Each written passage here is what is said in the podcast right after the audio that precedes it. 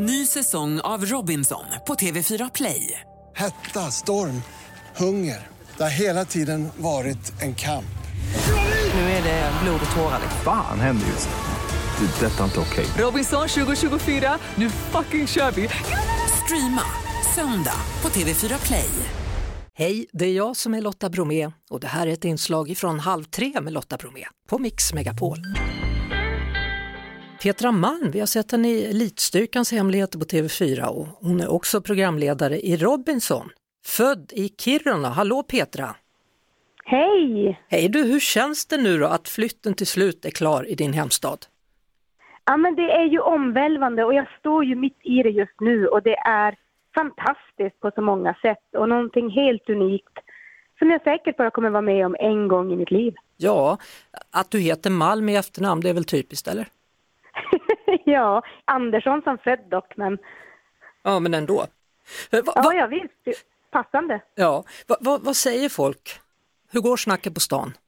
Du, det är jag har bara hört positiva saker och jag tycker att det är en, eh, ja, men en jättepositiv anda. Folk är glada, man strosar i affärer, det är nytt, det är fräscht, torget är jättefint.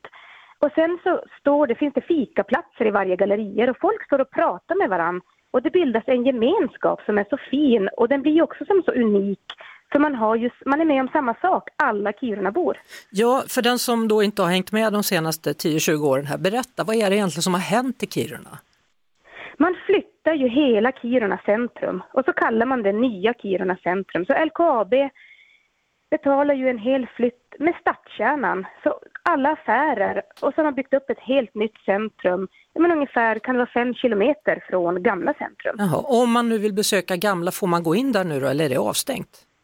Nej, byggnaderna står kvar, absolut. Det är ju lite mer öde såklart. Och eh, i nya centrum så är det ju nytt och fräscht och en liten småstad på ett sätt. Nu har jag hört att man har byggt ihop centrum här, det nya centrum då, så att det inte blåser lika mycket längre. Ja, men det är mycket höghus, vilket gör att det blir jättefina såna promenadstråk, eh, gågator. Vissa tycker att det påminner om Drottninggatan i Stockholm, eh, just de här små gågatorna med höghusen på sidan. Mhm.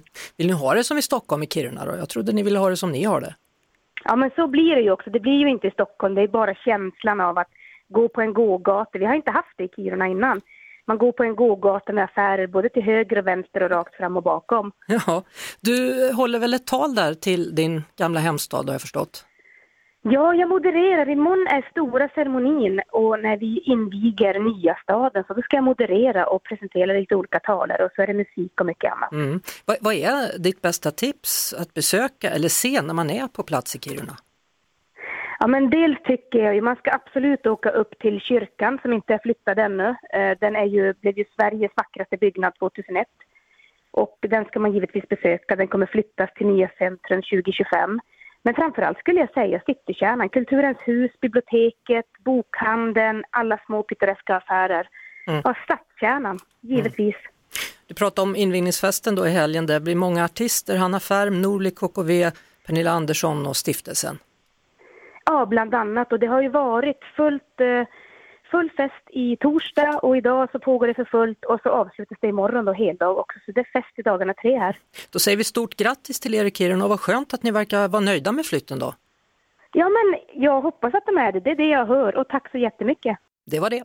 Vi hörs såklart igen på Mix Megapol varje eftermiddag vid halv tre. Poddtips från Podplay. I podden Något Kaiko garanterar östgötarna Brutti och jag, Davva, dig en stor dos skratt. Där följer jag pladask för köttätandet igen. Man är lite som en jävla vampyr. Man har fått lite blodsmak och då måste man ha mer. Udda spaningar, fängslande anekdoter och en och annan arg rant. Jag måste ha mitt kaffe på morgonen för annars är jag ingen trevlig människa. Då är du ingen trevlig människa, punkt. Något Kaiko, hör du på Podplay. Därför är gardinerna.